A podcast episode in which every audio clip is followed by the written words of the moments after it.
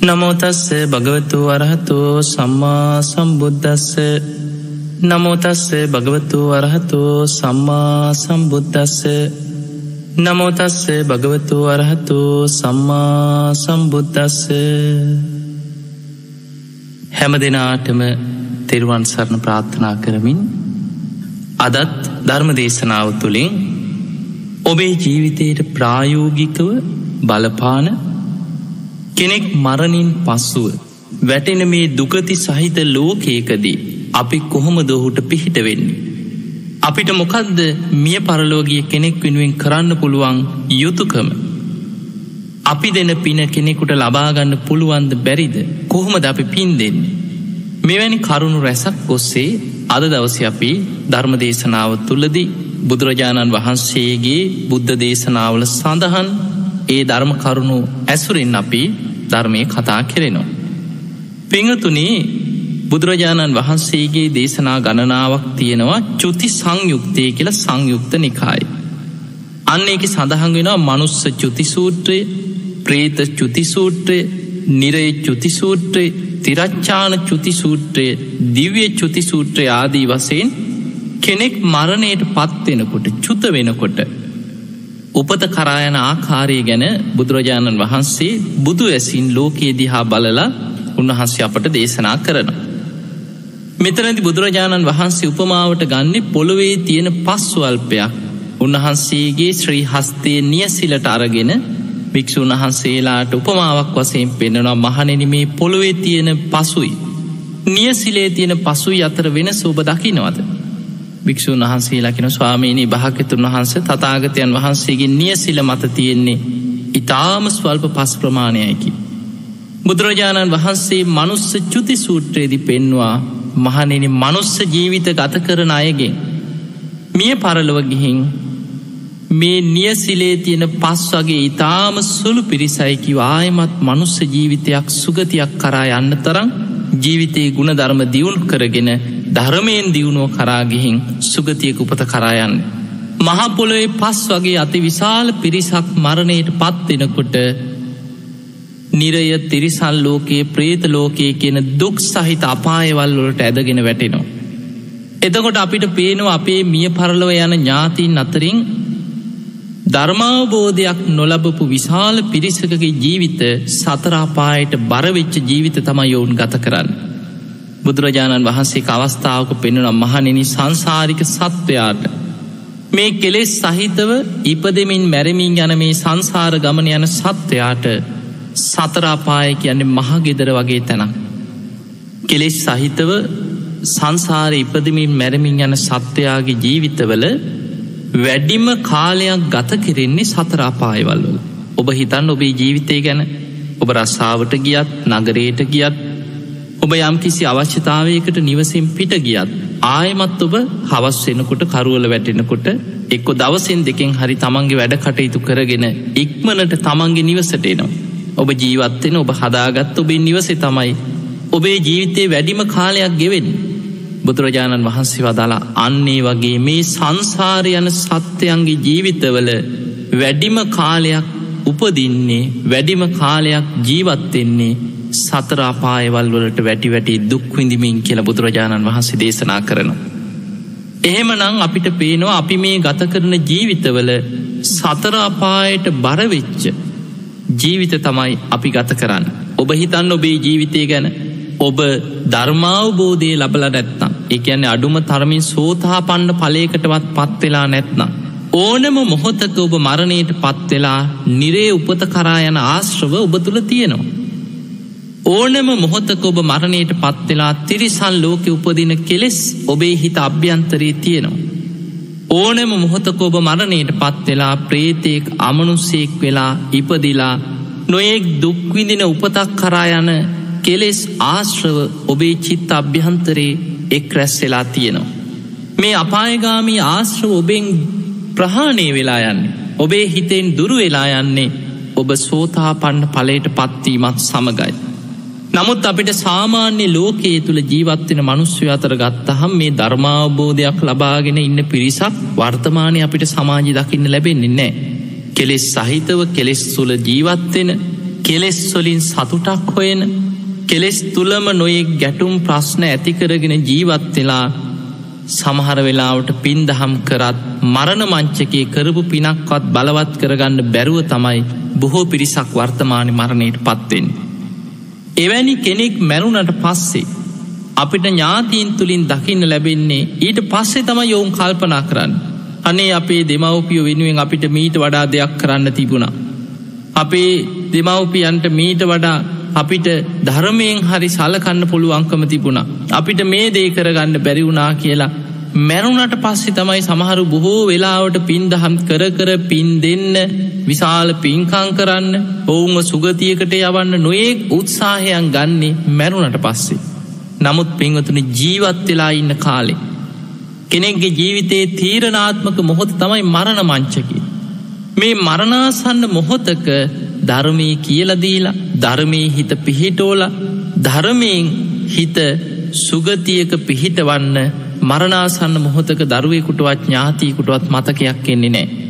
බොහෝ වෙලාවට අඩනවා වැලපෙනවා අර මරණාසන්න ඥාතිය ඉදිරියේ අඩල වැලපිලා ඒ කෙනා අන්ත අසරණ භාවයට පත් කරනවා මරණාසන්න මොහොතෙදී. ඊට පස්සේ පසු තැවෙනවා. අනේ අපේ අම්මල අපේ මිය පරලෝගේ ඥාතීන් කොහේ ඉන්නවද දන්නේ දුගතියක ඉන්නවද දන්නේ අපි කොහොමදේ අයට පිහිටවෙන්න ඊට පස්සෙ පසු තැවෙන්. බොහෝ වෙලාවට මේ දෙන පින ගන්න පුළුවන්ද බැරිද කියන ප්‍රශ්නය ඔබට තියෙනවා. අපිනුත් අහන දෙයක් අපි ධර්ම දේශනාවලට වැඩම කරපුහම හාමුදුරුණය අපි මෙහෙම පිද්දෙනවා. මේ පින් මිය පරලෝගේ ඥාතීන්ට ලැබෙනවද නැද්ද ඔය ප්‍රශ්නය ඔබට තියෙනවා. ඒ ප්‍රශ්නය ඔබට විතරක් නෙමෙයි බුදුරජාණන් වහන්සේ වැඩ ඉන්නකොට ජානුස්සෝනි කියල බ්‍රාහ්මණයකුටත් ඔය ප්‍රශ්නය ඔය විදිහටම ඇති වුණා. මේ බ්‍රාහ්මණය බුදුරජාණන් වහන්සේකින් විමසනවා ස්වාමීණී භාකතුන් වහන්ස අපි මිය පරලවගේ ඥාතීන් වෙනුවෙන් පින් දහම් කරනවා. ඒ අයට පින් අනුමෝදං කරනවා. මේ ඥාතීන්ට මේ පින ලැබෙනවද කියලා ප්‍රශ්නයක් ඇහුව. බුදුරජාණන් වහන්සේ මේ ප්‍රශ්නයට කෙටියෙන් පිළිතුරක් දුන්නා බ්‍රාහ්මණය සුදුසු තැනදී ලැබෙනවා නොසුදුසු තැනදි ලැබෙන්නේ නෑකිව. හැබැයි මේ බ්‍රාහ්මණය බුද්ධිමත් ඔහු මේ කෙටි ප්‍රශ්නයෙන් සෑහිමකට පත් නොවී ඔහු බුදුරජාණන් වහන්සේගෙන් විස්තර කරමින් විමසනවා ස්වාමීණී භාග්‍යතුන් වහන්ස පින් ලබාගන්න පුළුවන් සුදුසු තැන කුමක්ද. පින් ලබාගන්න බැරි නුසුදුසු තැන් කුමක්ද කියලා මට විස්තර ඇතුව දේශනා කරන සේක්වා කියල්. බුදුරජාණන් වහන්සේ විස්තර ඇතුව පෙන්නල දෙනවා පින් ලබාගන්න පුළුවන් තැනමොකක්ද පින් ගන්න බැරි තැනමොකක්ද කියලා. පිංහතුනි බොහෝ වෙලාවට මිය පරලවගේ ඥාතීන්ට අපි පින් දුන්නට. අපි හිතමු කෙනෙක් දුගතියකටම වැටුණ කියලා. මිය පරලෝගේ ඥාතියෙක් දුක් සහිත අපායකට වැටුණා නං. නිරේ ඉපදුනානම් බොහෝ වෙලාවට දරුණු අකුසල් කරපු අය ප්‍රාණගහතාදී හොරකම් ඊළඟට නොයෙක් විදිහ පංච දුෂ්චරිතයේදිච්චාය නියත මිද්‍යාදෘෂ්ටිකව ජීවත්වෙච්චාය පංචානන්තරි අකුසල් කරපු අය ඒ කාන්තෙන් පංචානන්තරි අකුසලයක් කරලා තිබුණොත් ඊළඟ ජීවිතයේ නිරේක උපත කරායනවා. මෙවැනි කෙනෙකුට නිරේ ඉපදිච්ච කෙනෙක් වෙනුවෙන් තමන්ගේ ඥාතීන් හිතවතුන් පින් දහම් කරලා පින් අනුමෝදන් කරන. ඒ කෙනාට පින් ලබාගන්න පුළුවන්කමක් නෑ අන්න පින්ගණ්ඩ බැරි අබහුය ස්ථානයක්. දැන් ඔබ හිතන්න දැන්කෙයි බොහෝ දෙනෙක් තුළ නොයෙක් විදිහේ මේ පින්ගන්න ආකාරය ගැන මිය පරලෝගේ ඥාතීන් ගැන වැරදි අදහස් මතවාද ගොඩාක් සමාජි පවතිනවා. සමහරු හිතාගෙන ඉන්න මැරුණට පස්සේ ඔහේ නිකං හිත විතරක් ඔය පාවි පාවිතියෙනවා එහෙ මෙහෙ ඇවිදිනවා හද්දවසේ මේ බනත් අහලා ඊළඟට දානිද වෙලාවටත් ඇවිල්ල ඔයගේ වටෙත් කැරකිලා මේ විස්තරත් බලාගෙන ඊට පස්සේ මේ පින අරගෙන තමයි උපත කරායන් වැනි අදහස් තියෙනවා. නමුත් පිංවතුනේ බුදුරජාණන් වහන්සේගේ බුද්ධ දේශනාවල සඳහන් වෙන්නේ නිරේ උපත කරා යන විදිහට කර්මය හැදිච්ච කෙනෙක් නම්. යථහබතන් නික්කෙත්තෝ ඒවන් නිරයේ කියනවා. ඒ කියන්නේ ඔළුවෙ තියාගෙන ගිය බරක් හිසේ තිබුණු බරක් බිමට වැටෙනවා වගේ ඒ සැනින් මෙහෙන් චුත වෙනකොටම ඊළඟ ප්‍රතිසන්ධි චිත්තය චිත්තක්ෂණයක වෙනසක් විතරයි තියෙන්. ඒ සැනින් ඔහු පහළ වෙන්නේ නිරේ නිරිසතෙක් වෙලා පහළ වෙන.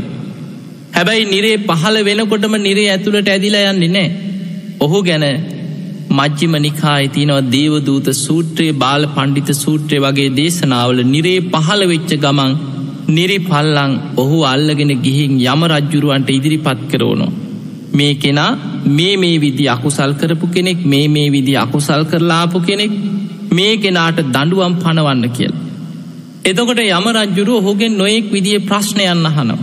ඔබ පලවිනි දේවදූතයා දැක්කද දෙවනි දේවදූතයා දැක්කද තුන්ගනි දේවදූතයා දැක්කද හතරවෙනි දේවදූතයා දැක්කද පස්වනි දේවදූතයා දැක්කද කියලා අවස්ථා පහකදිම මේ කරුණු සිහිපත් කරමින් යම් කිසි පිනක් කුසලයක් කරලා තියෙන කෙනෙක්ද කියලා දනුවම් පමුණුවන්න පෙර ඔහුට සිහිපත් කරෝනු.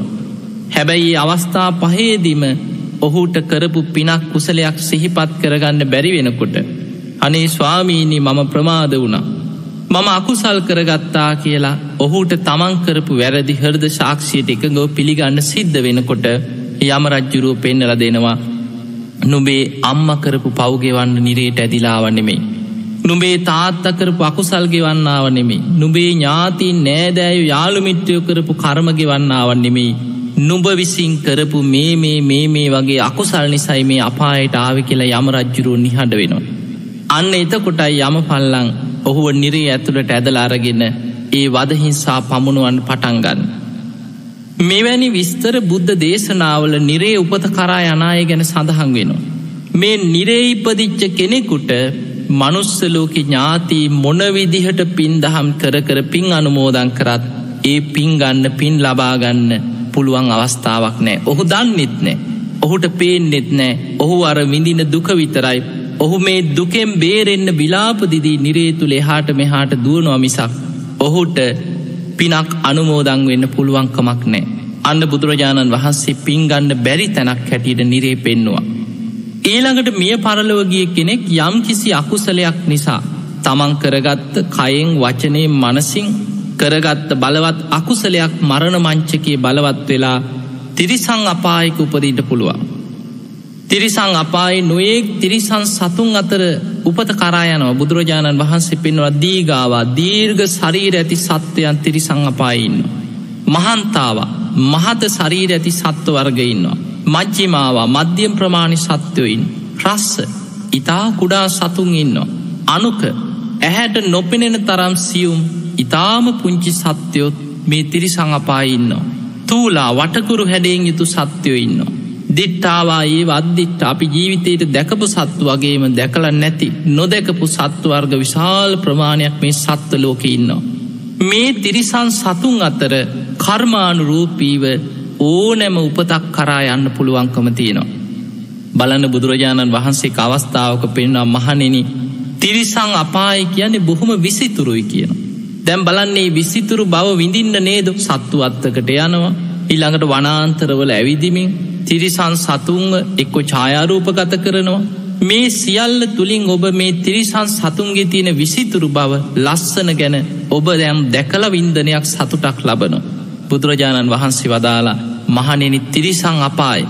තිරිසන් ලෝකයේ මේ තරං විසිතුරු වෙලා තියෙන්නේ හිතේ තියෙන විසිතුරු බව නිසයි කියනවා.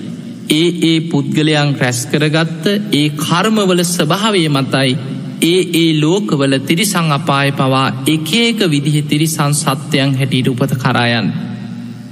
මේ තිරිසන් සතෙකුට මිය පරලව ගිහින් තිරිසල් ලෝක ඉපදිච්ච කෙනෙකුට තමන්ගේ ඥාති මොනතරං විශාල පින්කං කර කර පින් අනුමෝදන් කරත්. අර තිරිසන් සත්‍යයට මේක පේන්නේ නෑ. තිරිසන් සත්‍යයට පිනානුමෝදං වෙන්න පුළුවන් හැකියාවක් නෑ. ඒ නිසා තිරිසල් ලෝක ඉපදනොත් පින්ගන්න බැරි අබහුය ස්ථානයක් හැටියට බුදුරජාණන් වහන්සේ පෙන්න්නනවා. එවැනිම දේශනවල බුද්ධ දේශනාවල සඳහන් වෙනවා සමහර බ්‍රාහ්මණවරු අකුසල් කරගත්ත බෝම මසුරුව ලෝබව හිටපු බ්‍රාහ්මණවරු මරණයට පත්වෙලා තමන්ගෙම සිටු මැදුරේ බල්ලෙක් වෙලා ඉපදිච්ච සිදුවීමක් ගැන බුද්ධ දේශනාවක සඳහන් වෙනවා. එතකොට මෙවැනි සිදුවීම් ඉදිරී බුදුරජාණන් වහන්සේ දේශනා කරනවා තිරිසං අපායක ඉපදිච්ච කෙනෙකුට පින් දහම් කරලා පින් අනුමෝදන් කරලා ඒ කෙනාව ඒ ආත්මී තුළ සැපලබාදීමක් හෝ ඔහුට තිරිසං අපායි මුදවලා වෙනත් ලෝකයකට යැවීමක් කරන්න පුළුවන්කමක් නෑ ඥාතියකුට.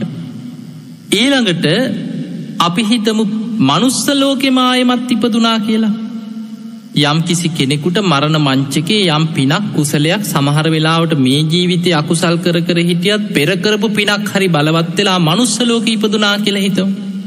හැබැයි මනුස්සලෝක ඉපදිච්ච කෙනෙක් ඒ කෙනා දන්නේ නෑ ඒ පින අනුමෝදංවෙන්. ඒ නිසා දැන් ඔබ හිතන්න ඔබේ ජීවිතය ගැන ඔබ පෙරජීවිතයේ මනුස්සලෝකෙම ඉඳලා ආයමත් මිනිස් ලෝක ඉපදිච්ච කෙනෙක් නම්. ඔබේ පෙරජීවිතයේ ඥාතිීන් ඔබව සිහිපත් කරමින් පින්දහම් කරනවා නං. ඔබ දැනගෙන හිටියද ඒ පින් අනුමෝදංවෙන්. අනේ අපේ අම්ම අපේ තාත්ත මැරිල දැන් අවුරුදු විස්සයි තිහයි හතලිහයි අවුරුදු පණහක් වුණා කියලා ඒ අය පින්දහම් කරලා ඔබට අනුමෝදං කරනවා වෙන්න පුළුවන්.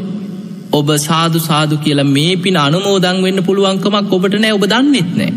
ඒ නිසා මනුස්සලෝක ඉපදිච්ච කෙනෙකුට එහෙම පෙර ඥාතීන් කරපු පිනක් අනුමෝදං වෙන්න පුළුවන්කමක් නෑ මොකද ඔහු දන්නේ නැති නිසා. ඊළඟට අපි දෙවියන්ට පින් දෙනවා. ඒ ගැනත් ඔබ නිරවුල් කරගන්නට ඕනෑ අපි දෙවියන්ට පින් දෙන්නේ දෙවියන්ට පින් නැති නිසාන්නෙමෙයි. ඔබේ පිනකින් දෙවියන් ජීවත්වෙනවා නොවේ හමහරු හිතනවා ඔය දෙවියන් ඉන්නෙත් අපේ පින නිසයි. අපි දෙන පින් නිසයි ඔය දිවිය සැපවිඳින්නේ. අපි දෙන පින නිසයි දිව්‍ය විමාන පහළවෙන්න. දෙවියන්ට ඔය සියලු සැප සම්පට් ලැබුණේ අපේ පිනෙන් කියලා කෙනෙක් වැරදි මතයකට එන්න පුළුවන්. පිංහතුනි දෙවියන් කියන්නේ මනුස්්‍යයන්ට වඩා පින්කරපු පිරිසක්. මරණ මංචකයේ පිනක් බලවත් එච්ච නිසයි දිව්‍ය ලෝකෙක ඉපදුනේ.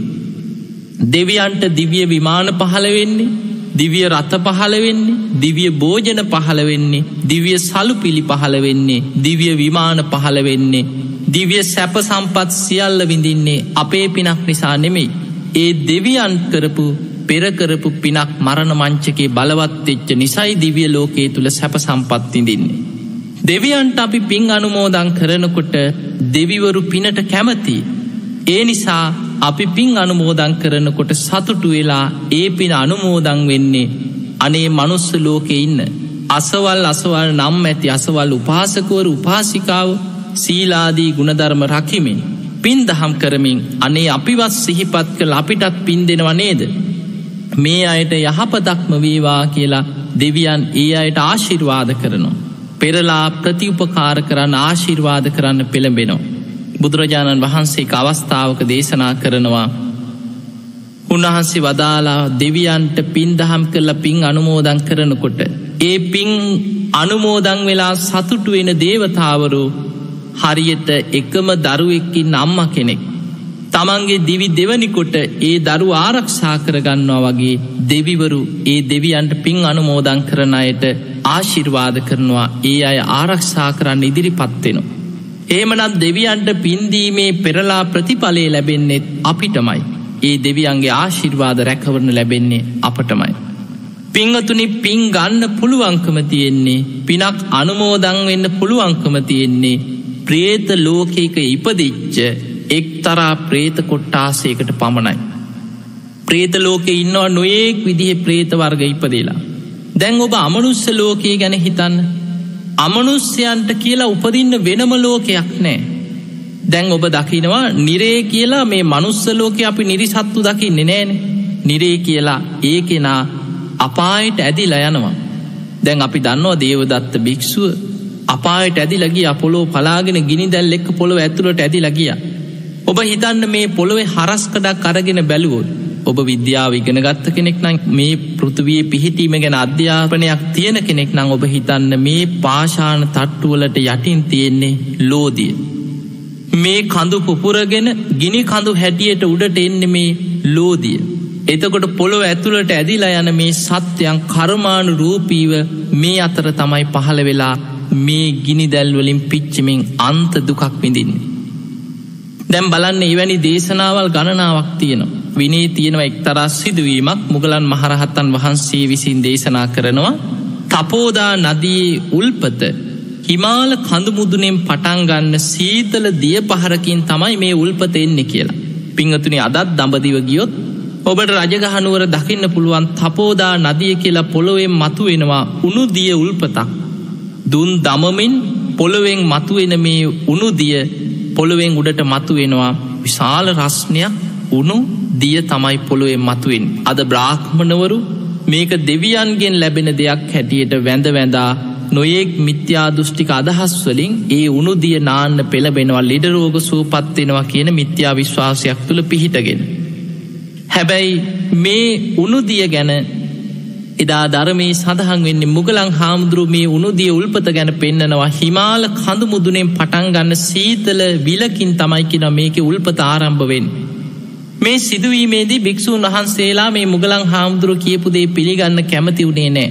බුදුරජාණන් වහන්සේ ඉදිරියට ගිහින් කියනවා ස්වාමීණී භාග්‍යතුන් වහන්ස මේ පොළොවෙන් මතුවෙන උනුදිය උල්පත හැමෝටම පේනවා මේ උනුදිය උල්පතක් මෙතනින් එන්න කියලා. නමුත් මේ මොග්ගල්ලානයන් වහන්සේ දැන දැනම බොරුවක් කියනවා. මේ රජගහනුවරින් මතුවෙන උල්පත හිමාල කඳුමුදුනේ සීතල ජලය තියෙන සිසිල් විලකින් ලූල්පත පටන්ගන්න මේ මොන බොරුවක්? භික්‍ෂූන් වහන්සේලා මේක පිළිගන්නේ නැතුව ඇතැම් අයි බුදුරජාණන් වහන්සේගෙන් ගිහින් විමසුව කෙලෙස් සහිතය බුදුරජාණන් වහන්සේ වදාළම් මහනෙන මොග්ගල්ලානයන් කියපු කතාව ඒ සිදුවීම ඇත්තයි කීව. හිමාල කඳමුදුනේ සිසිල් දිය තියෙන විලකින් පටන්ගන්න මේ උල්පත පොලොව ඇතුළට මේ දිය පහර ගිහින්.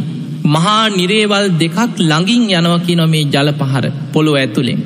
අන්නේ මහා නිරේවල් දෙකක් හරහා ඒ ළඟින් යන නිසා ඒ තියෙන රශ්නයට ඒ තියෙන උණුස්සුමට මේ උල්පත මේ දිය පහර උණුසුම් වෙලා කිව්වා රජගහනුවරින් ආයමත් උඩට මතුවෙන්. අන්නේ නිසා තමයි කිව උුණුදිය උල්පතක් හැටි රජගහනුවරින් ඒ උල්පත උඩට මතු වෙලාෙන්. එතකොට මෙවැනි සිදුවීම් වලින් මේ පොළොව ඇතුළේ මහා නිරය මේ නිරේවල් පිහිටලා තියෙන බව අපිට යම් යම් දේශනා ඇසුරෙන් සහතික කරගන්න අපිට පුළුවන්කම තියෙනවා. නමුත් පිංහතුනි තිරිසං අපාය මේ අපි ජීවත්වෙන මනුස්ස ලෝකයේම ආශ්‍රිතව තිරිසං සතුන් උපදින බව ඔබට පේනවා. එතකොට ඔබේ ඇහැට පේන තිරිසං සතුන් ගත්තහම ඔබට පේන ඔබ ජීවත්වෙන පරිසරේ මේ ගස් කොළං වල ඉන්නවා මහපොළොව ඉන්නවා පොළොව ඇතුළ ඉන්නවා අහසෙපියාඹනවා ජලයේ ජීවත්වෙන තිරිසං සත්‍යයෝ ඉන්නවා පා ඇති පා නැති දෙපා සිව්පාදි නොයෙක් තිරිසං සත්‍යයන් ඉන්නවා මේ වගේමයි අමනුස්්‍යවුණු අමනුස්්‍යයන් උපදින්නෙත් මේ ඔබ ජීවත්වෙන මේ මහපොලෝ මතමයි අමනුස්්‍යයන් පහළවෙන්. හැබැයි මේ අමනුස්්‍යයන්ගේ මේ ප්‍රේතයන්ගේ ස්වභාවය ඔවුන්ගේ ශරීර සියුම්. ඒ නිසා පියවි ඇසින් කෙනෙකුට දකින්න පුළුවන්කමක් නෑ සියුම් ශරීරයක් පිහිටි නිසා. මේ අමනුස්්‍යයන් බොහෝ වෙලාවට ජීවත්වෙන්නේ ඔවුන්ට ආහාරපාන තියෙන තැන් ඔයාගෙන ගිහින්. සමහර වෙලාවට මහා වනාන්තර ඇසුරු කරගෙන අමනුස්්‍යයන්ගේ විමාන පවතිනවා.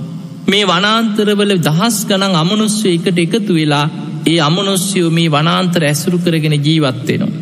සමහර වෙලාවට කුණු පාස කියලා ප්‍රේත කොටසක් ගැන ධර්මය සඳහන් වෙනවා මලකුණු ආහාරයට ගන්න ඊළඟට මිනි පුච්චනකොට උතුරලායන උරුණු තෙල් ආහාර කරගන්න අමනුස්්‍යයන් ගැන ධර්මී සඳහන් වෙනවා. එවැනි අමනුස්්‍යයන් සුහොන් භූමි මිනි පුච්චන තැන් මිනි වල්ලන තැන් සොහොන් එවැනි තැන් ඇසුරු කරගෙන තමයි කුණු පාස කියන මේ මලකුණු ආහාරයට කරගන්න අමනුස්්‍යයෝ බොහෝ වෙලාවට ජීවත්වෙන්. එවැනි අමනුස්සේකුට ඥාතීන් පින් අනුමෝදං කරා කියලා.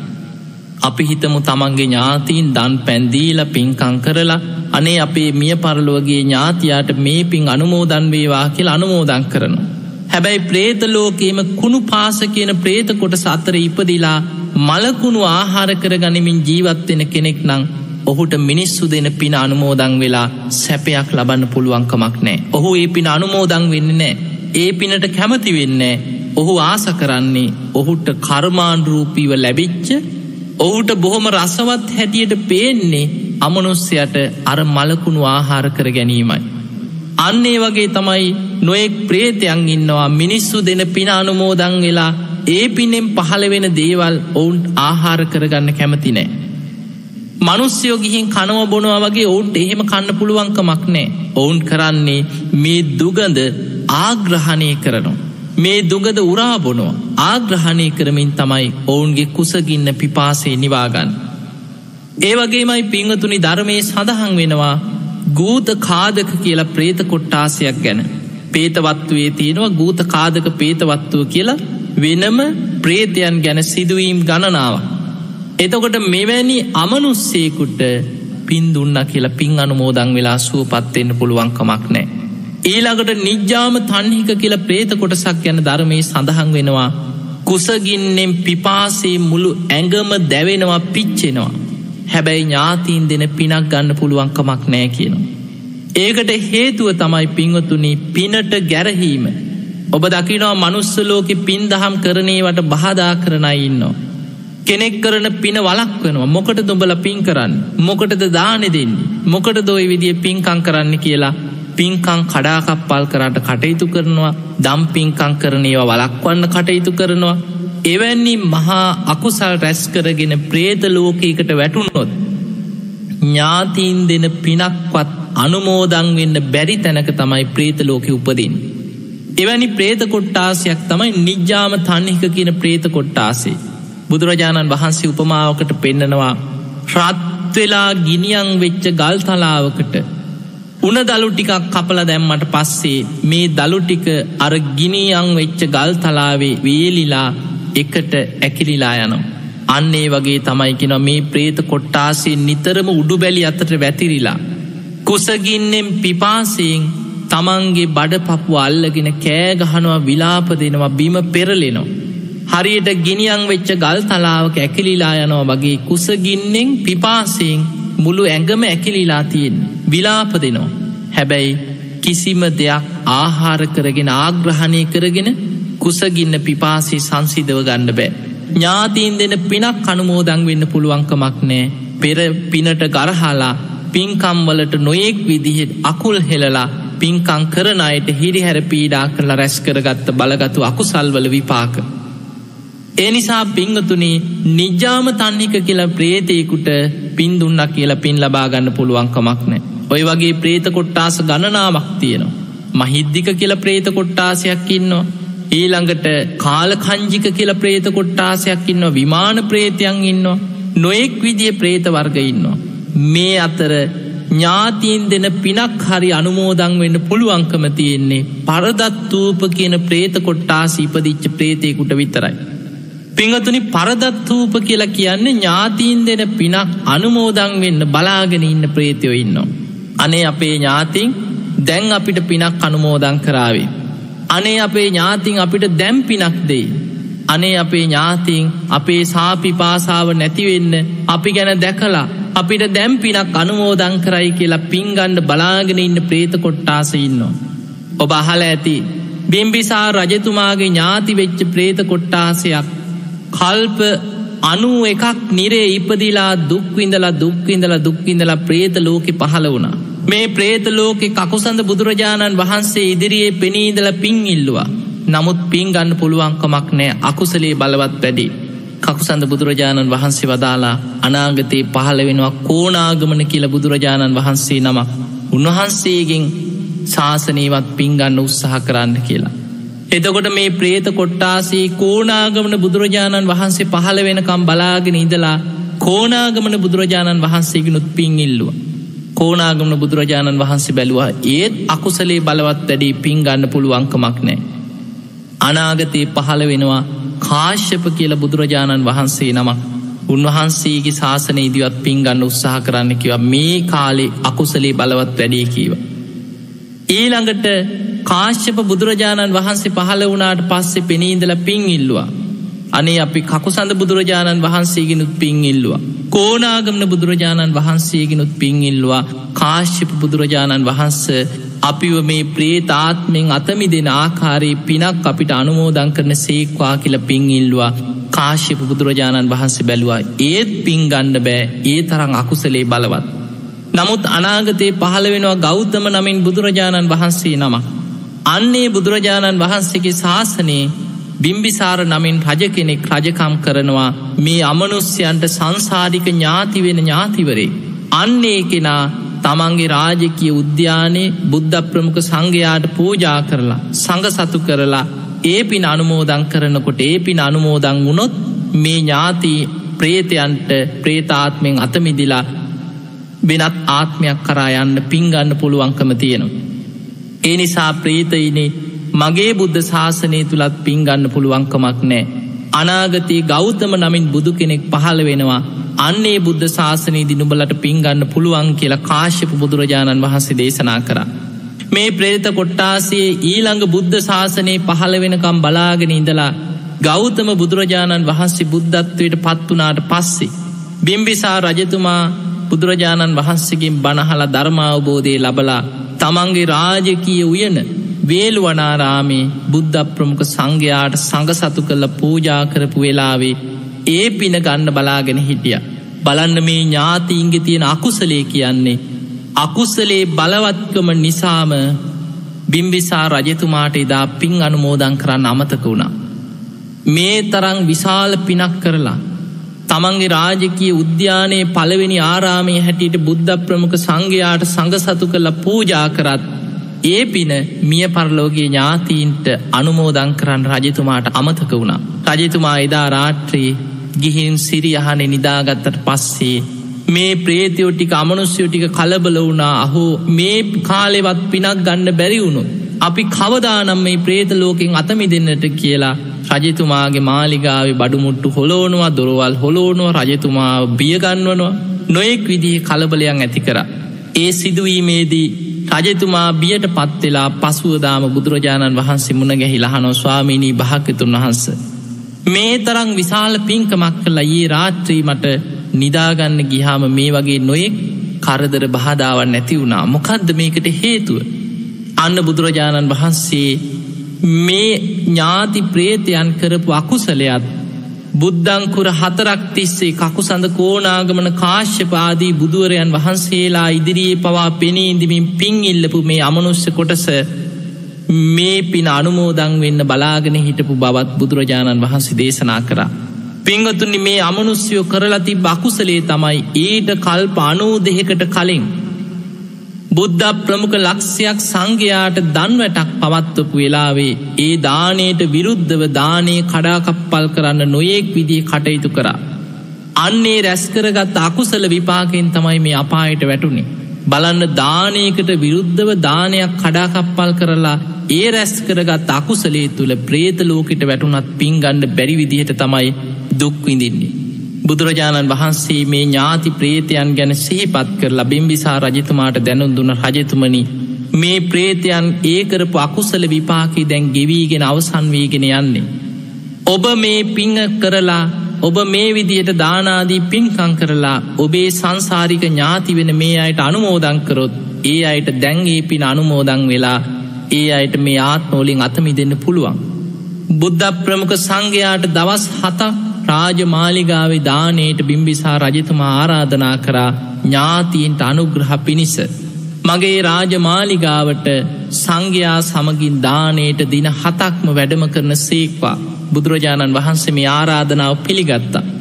පිළි අරගෙන බුදුරජාණන් වහන්සේ මාලිගාවට වැඩම කරපු වෙලාවේ බුදුරජාණන් වහන්සේ අධිෂ්ඨානයක් කරා මේ ප්‍රේත කොට්ටාසේ මේ දුක්විදින අමනුස්්‍යයන්ගේ ස්වරූපය බිම්බිසා රජතුමාට පෙනේවා කියල අධිෂ්ඨාන කර. රජතුමා ඉදිරියේ රජතුමාට දානි බෙදන්න හදනකොට මේ පරිසරය පුරා පිරිලා ඉතිරිලා ඉන්න මේ අමනුස්්‍යයන්ගේ ස්රූපයේ පෙනෙන්න පටන්ගත්තා ඇට සැකිලි වගේ ශරීර ඇති. ඉතා දුකසේ අඩමින් වැලපෙමින් ඇඳුමක් වස්ත්‍රයක් නැතුව ඉන්න ප්‍රේත කොට්ටාසයක් පින්ගන්න බලාගෙන ඉන්න අනේ අපිට දැම්පින්දෙයි දැම්පින්දෙයි කියල්. බුදුරජාණන් වහන්සේ වදා රජතුම නිධානය බෙදෙනකොට පැං පූජ කරනකොට සිවුරු පිරිකර පූජ කරනකොට හැම වෙලායම මේ පින ඥාතීන්ට අනුමෝදන් වේවා කියලා ඉදම් මේ ඥාතී නං හෝතු කියමින් දාන පූජ කරන්න පැන් වඩන්න පැම් පූජ කරන්න සිවුරු පිරිකර පූජ කරන්න කියලා. දානි පූජා කළ ඥාතීන්ට පින් දෙනකොට කුසගින්න නැති වුණා. පැම් පූජා කළ ඥාතීන්ට පින් දෙනකොට පිපාසේ නැති වුණා. සිවුරු පිරිකර පූජා කළ ඥාතීන්ට පින් දෙනකොට වස්ත්‍ර පහළ වුණා. මේ වගේ දින හතක් රජමාලිගාවේ බුද්ධ ප්‍රමුඛ සංඝයාට දානය පූජා කරා මේ පින අනුමෝදං කරනකොට පින බලවත් වෙලා ඒ ප්‍රේත කොටස ඒ ආත්මෙන් අතමිදුුණා. ඒ දින හතේදිම බුදුරජාණන් වහන්සේ ඔය සිදුවීම මුල් කරගෙන තිරෝ කුඩ්ඩ කියන සූට දේශනාව දේශනා කරා. අන්නේ දේශනාව සඳහන්වෙන්නේ මිය පරලවගේ ඥාතීන්. පින්ගන්න අපේක්ෂාවෙන් සමහර වෙලාවට ඒ ගෙවල්දුරුවල් හොයාගෙනෙනවා. බුදුරජාණන් වහන්සේ වදාළ තමන්ගේ පැරණි ගෙවල්දොරුවල් හොයාගෙනන මේ අමනුෂ්‍යයෝ එක්කෝ ගෙට ඇතුල්වෙන තැනක වත්තේ මුල්ලක දොරමුල්ලක බිත්තියෙන් එහා පැත්තේ තුම්මං හන්දියක මේ වගේ තැනක් ඇසුරු කරගන්න නතර වෙනවා. ඒ ඒ තැන් විමාන කරගෙන පින්ගන්න අපේක්ෂාවෙන් බලාගෙන ඉන්න අනේ අපේ ඥාතින් අපිට දැම්පින්දෙයි දැම්පින්දෙයි කියල්. හැබැයි මේ අමනුස්්‍යයන්ගේ අකුසල් බලවත් වැඩිනං තමන්ගේ ඥාතීන්ටවත් මේ අමනුස්්‍යයාට අනේ අපේ මිය පරලෝගිය දෙමවපියු ඥාතීන් වෙනුවෙන් අපි පිනක් කරන්න ඕන කියලා එහෙම පිනක් දෙන්නවත් හිත නැමෙන්නෑ කියන. එවැනි අරමුණක් හිතට එන්නෑ කියන. එවැනි ප්‍රේතයන්ට බුදුරජාණන් වහන්සේ වදාලා අතින් අතට යමක් දෙන්න පුළුවන්කමක් නෑ. දැන් ඔබ ඇඳුමක් ගත්තා කියලා අපේ මිය පරලෝගිය තාත්තටත් අපි සරමක් කමිසයක් පූජ කරනවා කියලා එහෙම දෙන්න පුළුවන්කමක් නෑ. හැබැයි ඔබ ඇඳුමක් නැති ඒ මිය පරලෝගිය පියාගේ වයස කෙනෙකුට හරි එක්කෝ සිල්වත් ගුණවත් කෙනෙකුට හරි යම් වශ්‍රයක් පූජ කරනවා. එක්කො සිවුරු පිරිකර පූජා කරලා පින් අනුමෝදන් කරනු. එක්කෝ මිය පරලොවගිය කෙනා වෙනුවෙන් ඒ මිය පරලෝගයේ පියාගේ හෝ අම්මගේ වයසි වයසකයට වස්ට්‍ර එක්කෝ ඇඳුම් පැළඳුම් පූජා කරලා පින් අනුමෝදන් කරනකොට අන්නේ පිනෙන් ඒ මිය පරලෝගේ ඥාතියාට වස්ත්‍ර පහළ වෙනවා. පින අනුමෝදං වෙනවා කියන්නේ අන්නේ එකයි. ඒ පින කරන ආකාරයේ බලාගෙනඉඳලා ඒ පිනයේ ඥාතින් අනුමෝදං වෙනවත් සමගම ඒ ආකාරයේ සැප සම්පත් ඒ අමනුස්්‍යයන්ට ඥාතීන්ට පහළ වෙනවා. ඒ නිසා පින්වතුනි පින් අනුමෝදං කිරීම තුළ බුදුරජාණන් වහන්සේ පෙන්නනවා අපි කවුරුත් අහලතිනවා යථවාරිවහා පූරා පරිපූරෙන්ති සාගරන් ඒව මේ වයිතෝ දින්නම් පේතානං උපතප්පති මේ ගාථාව පවා තිරෝකුඩ්ඩ සූත්‍රි සඳහන් වෙන ගාථාවක් තමයි. අද මහා සංගරත්නය දානවලට වැඩම කරලා ඒ පැංවඩන අවස්ථාවදි දේශනා කරන්න. ඒක තියෙන්නේ මිය පරලවගේ ඥාතීන්ට පින් ලැබෙන ආකාරය ගැන බුදුරජාණන් වහන්සේ උපමාවකින් දේශනා කරපු සිදුවීම. දැන් අපිට ඊළඟට දකින්න ලැබෙන දේ තමයි බොහෝ දෙනා මිය පරලවගියට පස්සේ ඒ තමන් දන්න කියන ඒ ආසන්න කාලේ මැරිච්ච ඥාතීන් දෙතුන් දෙනෙකුට නං කියමින් පින් දෙෙනවා ඉච්චරයි. අනේ අපේ මැරිච්ච තාත්තා මැරිච්ච අම්ම එක්කො දරුවෙක් එක්කො සහෝදරයක්ගේ නං කියලා ඒ නමෙන් පින් දෙෙනවා ඉච්චරයි. නමුත් පිංහතුනේ මේ දීර්ඝ සංසාර ගමන තුළ පිංගන්න බලාගෙන ඉන්න ඥාතීන් ප්‍රමාණය මෙතකැයි කියලා කියන්න පුළුවන්කමක් නෑ. දැන් අපි හිතමු මෙහෙම ඔබ මිය පරලව ගිය එක් ඔබේ දෙමව්පියෙක් ඥාතියෙක් වෙනුවෙන් පින් දෙෙනවා කියලා. ඒ ඥාතියා සුගතියකම ඉපදිලා හිටියොත් අපිගම මනුස්සලෝකෙම ඉපදිලා හිටිය කියලා. එතකොට ඒ කෙනාට පින්ගන්න පුළුවන්කමක් නෑන. ඔබේ මිය පරලොවගේ තාත්තට හරි අම්මට හරි ඔබ පින් දෙෙනවනම් ඒ දෙමව්පියෝ මරණ මංචකේදී හරි තමන්කරපු පිනක් බලවත්වෙලා සුගතිය ඉපදුනා. එක්ක මනුස්සලෝක ඉපදුනා. ඔබ පින් දෙන්නේ අනේ මගේ මිය පරලෝගේ අම්මට මේ පින් අනුමෝදං වේවා කියලයි අම්මට තාත්තට විතරමනං ඒ පින ඒ අයට ගණ්ඩ බැරිනං එතකොට කොහොමද වෙනත් ඥාතියකේ පින් අනුමෝදං වෙන්න. ඒ නිසා පින් අනුමෝදං කරනකොට පොදුවේ සියලු මිය පරලෝගේ ඥාතීන්ට පින් දෙන්න.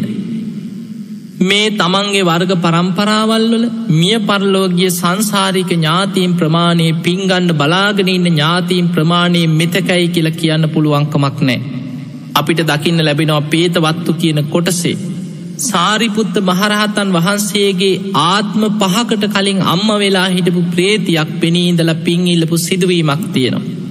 එතකොට බලන්න මේ සිදුවීමේදී සාරිපුත්ත හාමුදුරු ආත්ම පහක් ඉපදිමින් මැරමින් නැවිල්ල පස්වනි ආත්මේ. රූපසාරී බැමිණියගේ දරුවෙක් හැටියට ඉපදිලා එදා බුදුරජාණන් වහන්සේ පහළවිච්ච කාලේ පැවිදි වෙලා අරහත්වයට පත්වෙලා ප්‍රඥාවන්ත භික්‍ෂූන් වහන්සේලා අතරින් අග්‍රස්ථානය ලබාගෙන මේ බුද්ධ ශාසනයේ අගසව් තනතුරක් ලැබුව.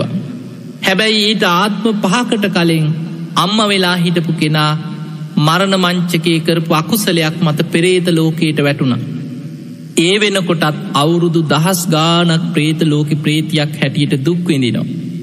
ඒ නිසා එදා පෙනීදල පින් ඉල්ලපු වෙලාවේ තාරිපුත්ත හාමුදුරුව ප්‍රඥාවෙන් බැලුව මේ කාරණය ඇත්තද ඇත්ත එදා උන්වහන්ස පින්ඩ පාති වැඩම කරලා තමන්ගේ පාත්තරයට ලැබිච්ච දානෙටික ආරාම හිටි අනෙක් ස්වාමීන් වහන්සේලාට පූජා කරලා ඒ දාන මේ පින් අනුමෝදං කළ සුවපත් කරෝපු බව සාරිපුත්ත මාතා කියන පේතවත්වේ සඳහන් වෙලා තියෙනවා. ඒ නිසා පිංවතුනි පින් ගන්න බලාගෙන ඉන්න ඥාතීන් ප්‍රමාණයෙන් මෙතකයි කියලා කියන්න පුළුවන්කමක් නෑ. සමහර වෙලාවට ඔබ නොදන්නව වුනාට ඔබේ පෙර ජීවිතවල ඥාතීන් ඉන්න පුළුවන් ප්‍රේත ලෝකවල. ඔබේ ආත්ම භාව පහ හයකට පෙර ඥාතින් වෙලා ප්‍රේත ලෝකොල්ට වැටිච්චාය තාමත් පින්ගන්න බලාගෙන ඉන්න පුළුවන්.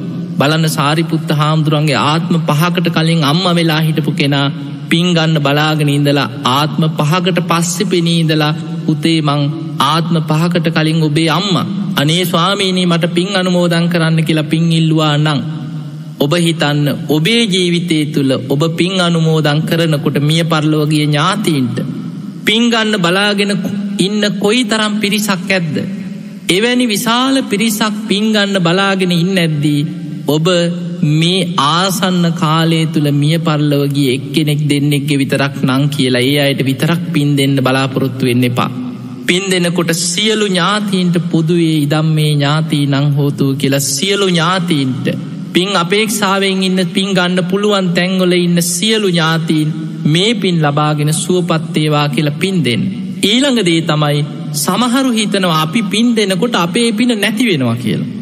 ඒක හරියට මෙහෙමයි. සල්ලි අතේ තියෙනවා අපි කාට හරි අපේ සල්ලි ටික දුන්නට පස්සේ අපේ සල්ලි නැති වෙනවා. අන්න ඒ වගේ වැරදි අදහසක් පින ගැන ඇති කරගන්න. පිංහතුනි පින කියලා කියන්නේ අතින් යමක් දීපුහම අතේ තියෙනදේ නැතිවෙන වගේ දෙයක් නෙමෙයි පින කියන්නේ පින රැස්වෙන්නේ චේතනාව තුළ. තමන් කරන යහපත්දේ මෛත්‍රයෙන් කරුණාවෙන් කිරීම තුළ ඒ රැස්වෙන පින අපි පින අනුමෝදන් කරන්නෙත් මෛත්‍රී සහගත වනේ මේ කෙනා සුවපත්තේවා කියල පින දෙනකොට ඒ පින අනුමෝදංවීම තුළ ඒ කෙනාටත් පින ලැබෙනවා පින් දෙනකොට පින් දෙන කෙනාටත් පින් ලැබෙනවා. බලන්න දස පුුණ්‍යක්‍රියා තුළ බුදුරජාණන් වහන්සේ පෙන්නවා පත්ති දාන පත්තානුමෝදනා පින් දීම තුළත් පින රැස්වෙනවා. දෙන පින අනුමෝදංවීම තුළත් පින රැස්සෙනවා. ඒ නිසා පින් දීමත් පිනක් පින් අනුමෝදංවීමත් පිනක්. බුදුරජාණන් වහන්සේ උපමාවකට පෙන්නුවේ එක පහනකින් තව පහන් කීපයක් දල්වනවා. එතකොට පහන් තව තව දල්වන්න දල්වන්න තමන්ගේ පහනේ ආලෝකය අඩුවෙනවා නෙමේ තව තවත් ආලෝකයේ වැඩි වෙනවා. අන්නේ වගේ ඔබ පින් දෙනකොට ඔබටත් පින් රැස්වෙනවා ඒ පින් අනුමෝදං වෙන්න අයටත් ඒ පිනේ විපාක ලැබෙනවා. ඒ නිසා පිංගතුනේ තමන් රැස් කරන පින පොදුවේ මිය පරලෝගේ ඥාතීන්ට අනුමෝදන් කරන්න. බලන්න බුදුරජාණන් වහන්සේ සිංහාලෝවාද සූත්‍රයේදී. දරුවන්ගේ යුතුකං හැටියට පෙන්නන්නේ තමන්ගේ මිය පරලෝගේ ඥාතිීන් උදෙසා පින් දහම් කරලා පින් අනුමෝදන් කරන්න කියනවා. ඒක යුතුකමක්. මොකද අපි දන්නේනේ අපේ මිය පරලෝගේ ඥාතිීන් කොහේ ඉන්නවද කොතන ඉපදිලාද දුගතියකට වැටිලද සුගතියක වැටිලද දිවිය ලෝක ඉපදිලාද අපි දන්නේ නෑ. නමුත් අපි පින්ගන්න පුළුවන්නං මේ පින් අනුමෝදං වෙලා සුවපත්තේවා කියල පොදුවේ පින් දෙනවා. එතකොට පින්ගන්න පුළුවන් තැන්ගොල ඉන්නවනම් පින් ලැබෙයි පින්ගන්න බැරි තැන්ගොල ඉන්නවනම් පින්ගන්න පුළුවන් ඥාතින් හරි ඒ පින් ලබාගෙන සුවපත්වෙනවා. එනිසා පිංහතුනී බුදුරජාණන් වහන්සේ පෙන්නන්නේ පින් අනුමෝදං කිරීම තමයි දරුවන්ගේ ඥාතීන්ගේ යුතුකම තමන්ගේ මිය පරලෝගේ ඥාතීන් වෙනුවෙන්. ඊළඟට ඔබ තේරුම් ගන්න මේ අමනුස්්‍යයන් කියලා කියන්නේ. අපිට දැ සමහරයි ඉන්නවා මේ ඥාතීන්ට පින් දෙන්න මේ ඥාතියා ගැන හොයල බලලා. සමහර වෙලාවට එක්කු දේවාලගාන ගිහිල මේ ඥාතිය ගැන හොයනවා. ඊළඟට පෙරේතියෝ ගෙන්න්නන තැන්වොල්ට ගිහිල්ල කතා කර ලහනවා එක්කු අඳුන්වලින් බලනවා සමහර වෙලාවට කාගෙහරි ඇඟකට ආවේශ කරගෙන ඒ විස්තරේ යහනව කොහෙද ඉපදිලා ඉන්න පින් දෙන්නද මොනවගේ පිනද්දවාට ඕනේ සමහර වෙලාවට මේ අමනුස්්‍යය හැටියට පෙනීඉන්න අය මිනිස්සුන් රවට්ටනො හරිම පුදුමාකාර විදිහට. ඔබට එක සිදුවීමක් කියන්නම් මේ වැෑතින මුලාව තේරුම් ගන්න. එක්තර අම්ම කෙනෙක් ඇවිදෙන්කින අනේ හාමුදුරනේ අපේ පුතා හමුදාව හිටියේ අලිමංකඩ මේ ප්‍රහාරය වෙච්ච වෙලාවෙ බොහෝ පිරිසක් මරණයට පත් වනා එදා අලිමංකඩදි බොහෝ පිරිසක් අතුරුදහන් වුණා. පුතා ගැන ආරංචියක් නැති වෙලාවේ නෑදෑයෝ එක්කරගෙන ගියා දන්න අය යං අපි ගිහිල්ල බලමු මෙහෙම තැනක් තියෙනවා ඇත්තම කියනවා ඇවිල්ලම කියනවා කීව.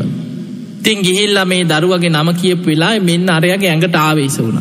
ආවේශ වෙලා දැන් අර විස්තරී කියන අනේ අම් මේ මං මෙහෙමයි. නංගිට කොහොමද? අයිය සනීපෙන්ද? තාත්තට දැන් කොහොමද? අනේ මම මේ විදිහට ඉන්න. මං බොහෝම දුක්කිත තැනක ඉන්න. එදා බෝම්බෙදි මං මරණයට පත් වනා මෙහෙමයි. මගේත් එක හිටපු පිරිසක් මැරුණ කියගේ දැම විස්තරේ කිව්ව. ති මේ පිරිසනේ ඇත්තට මැරිල තමයි කියලා අඩාගෙන ඇවිල්ල ගෙදර දානෙ දුන්නා පින්කං කර ඔක්කොම කරා.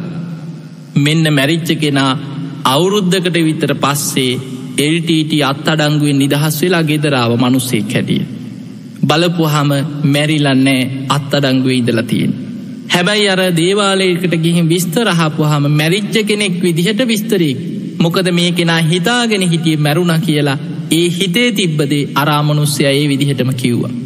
ඒ නිසා එවැනි තොරතුරු හොයාගෙන ඒව ඔස්සේ පින්දහම් කරන්න යන්න එපා. ඒ නිසා පින්වතුනේ ඔබ කරන පින ඔබ අනුමෝදං වෙන්න. බලන්න ඔබ හද්දවසෙන් පින්කං කරනවා සමහල්ලාට තුම්මාසෙන් පින්කං කරනවා. ඊළඟට අවුරුද්දෙන් අවුරුදු පහෙන් ඔය විදිර නොයෙක් විදිිය පින්කං කරනවා. මේ කරන පින් දහම් තුළ විශාල පිනක් අනුමෝදං කරන්න. ඊළඟට මිය පරලෝගගේ ඥාතියා වෙනුවෙන් සිල්වත් ගුණුවත් භික්‍ෂූන් වහන්සේලාට ඒ දන් පින්කං කරලා පින්දහම් අනුමෝදං කරනවා වගේම සමහර වෙලාවට තමන්ගේ මිය පරලෝගී එක්කො දෙමවපියෝ දරුව වෙනුවෙන් සමහර වෙලාවට ඒ මිය පරලුවගේ ආකාරයම ස්වභාවේ ලෙඩ රෝග හැදිච්චයි ඉන්න පුළුවන්. එවැනි අයට බෙහෙත්තේ තරන්දීලා ඊළඟට එවැනි අයට උපකාර කරලා එවැනි පින්දහම් අනුමෝදං කරනකොට සමහර වෙලාවට ප්‍රේත ලෝකයේ පවා යම් කිසි දුක් සහිත තැන්වල එවැනිම තත්ත්වවල ඉන්න ඉන්නවනම් ඒවැන් නිදහස් වෙනවා. අපි හිතමු කෙනෙක් අඩු අයසෙන් මරණයට පත්වෙනවා. එහෙම අඩු අයසේ මරණයට පත්වෙන්න හේතුව සමහර වෙලාවට සංසාරි දිගින් දිගට ප්‍රාණගාතාදී අකුසල් කිරීමේ විපාකයක් වෙන්න පුළුවන්. එවැනි අවස්ථාවක මරණයට කැපවෙච්ච සත්‍යයෙක් නිදහස් කිරීම එවැනි පින් දම් සමහර වෙලාවට නොයෙක් ලෙඩරෝග හැදිලා මරණාසන්නව ඉන්න ඉන්න දරුවන් ඉන්න එවැනි අයට ඔයි ලේදන්දීම මෙවැනි නොයෙක් ක්‍රියාවන් ඉදිරියේ ඔබට පුළුවන් පින් දහම් කරවන්. ඒ නිසා පින්වතුනේ එවැනි පින් දහම් වලින් කෙනෙකුට උපකාර ලබාදන්න පුළ සමහර වෙලාවට අප හිතමු මේ විදියට ඔබේ මිය පරලෝගිය දෙමව්පියන්. බොහෝ කාලයක් සමහරලාට ඇස් පේන්නේ නැතුව ඉඳල ඇස්වල සුදෑවිල්ල ඇස් නොපෙනීඉඳල මරණයට පත්වෙච්ච කෙනෙක් වෙන්න පුළුවන්. එවැනි අය සමහර වෙලාවට දුගතියක ඉපදුනත් ඒ ඇස් පෙනීමේ ඒ ආබාධ සහිත ඒ ජීවත් වෙලා ඉන්න කාලේ යම් අකුසල විපාකයක් තුළ එහෙම ස්භාවයක් තිබුණනං සමහරු ප්‍රේත ලෝකෝලත් එවැනි ස්වභාවයෙන්මයි දුක්විදින්න. එවැනි අවස්ථාවල ඇස් පේන්නේ නැති අයට එක්ක ඇස් කන්නාඩි ලබාදීම ඊළඟට එවැනි ඇස් රෝගීන්ට ප්‍රතිකාර කිරීම බෙහෙත්හේ තරන්දීම එවැනි දේවල් වලින් තමන්ගේ මිය පරලෝගගේ දෙමවපියන්ට ඥාතීන්ට ජීවත් වෙලා ඉන්නකොට තිබ්බ යම් යම් ලෙඩරෝග තියෙනවනම් අන්නේ ආකාරයේ ලෙඩරෝග තියෙන අයට බෙහෙත්තේ තරන්දීම ඇප උපස්ථාන කිරීම එවැනි පින් දහම් තුළින් ඒ පින් අනුමෝදං කරන්න මගේ මිය පරලෝගේ මේ ඥාතීන් මෙවැනි අය මේ ආකාරලි ලිඩරෝගවලින් ජීවත් වනා ඒ අයට මෙවැනි අසනීපතිබුණ මරණාසන්න කාලිත් මෙවැනි අසනීප තුළයි මරණයට පත්වනේ යම් පෙර අකුසලයක් නිසා මෙවැනි අසනීපවලි මරණයට පත් වනානම් මේ පින් ලබාගෙන සුවපත්තේවා කියලා එහෙම පින්කං කරන්න. ඒ නිසා පිංගතුනේ තමන්ට පුළුවන් ආකාරයෙන් අපිට අතින් අතට යමක් දෙන්න පුළුවන්කමක් නෑ. මිය පරලෝගිය ඥාතියකුට අපිට පිනක් අනුමෝදං කිරීම තුළයි අපිට ඒකෙනගේ ජීවිතයට සැපයක් රැකවරණයක් ඒ පිනෙන් ආරක්ෂාවක් ලබා දෙන්න පුළුවන්කම තියෙන්. ඒ නිසා මේ අමනුස්ස ලෝකයේ කියන්නේ හරිම පුදුම දෙයක් අපිට ඇහැට පෙනුන නැති වුණාට මේ අමනුස්ස ලෝකයේ තුළ අමනුස්්‍යයන්ගේ හැසිරීම් ඊළඟට බොහෝම දරුණු අමනුෂ්‍ය කොටස්ස ඉන්න. ඔබ කවමදාවත් මිය පරලොවගිය ඥාතියෙකුට පින් අනුමෝදං කරාට ඒ ඥාතීන් එක්ක ගණු දෙනු කරන්න යන්නට එපා. සමහරයි ඉන්නවා තමන්ගේ ප්‍රශ්න ඔක්කොම කියන්නේ මැරිච් අම්මගේ තාත්තගේ පින්තූරෙ ළඟට ගිහිල්ලා. එතරට ගිහිල්ල තමයි අඩන්නේ. ඒ අයට තමයි කියන්නේ දුක කියන්න. අනේ තාත්ති තාත්තටවත් ඉන්න තැනකින් පේ නැද්ද මං මේ විඳින දුක මාවත් අරගෙන යන්න කියන සමහරු. එතකොට මේ වගේ ගිහිල් අර මැරිච්ච දෙමවපියන්ගේ පින්තූර ළඟට ගිහිල්ල සමහරලාට අඩනවා වැලපෙනවා දුක කියනවා යම් යම් ඉල්ලීම් ඉල්ලනවා එහෙම කරන්න ගියාට පස්සේ සමහර වෙලාවට ඔවුන් අමනුස්ස ලෝකයේ අපි දන්නේ නෑ කොහෙ ඉපදිලාද කියලා යම් කිසි දුක් සහිත තැනක යම් උපතක් ලබල තියෙනවනං නොයි කරදර බහදා හිරිහැර ඇතිවෙන්න පුළුවන්.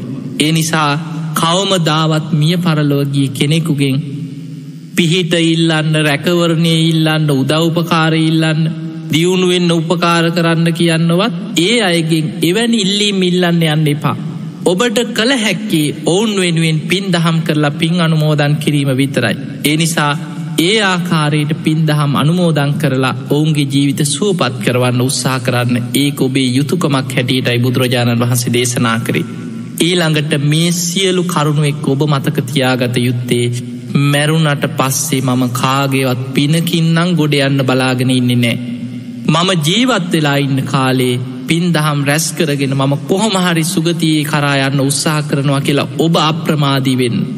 මිය පරලව ගියාට පස්සේ අපිට වෙන කරන්න දෙයක් නෑ. එනිසා ඔබේ ජීවිතයේ වටිනාම කාලය වටිනාම මොහොත ජීවත් වෙලා ඉන්න මොහොතයි. ඒ නිසා මේ ජීවත් වෙලා ඉන්න වෙලාවේ අප්‍රමාදීව ධර්මයම දියුණු කරලා ධර්මයම අවබෝධ කරගන්න ඔබ හැම දෙනාටම වාසනාව උදාවේවා කිලපි ආශිර්වාද කරනවා.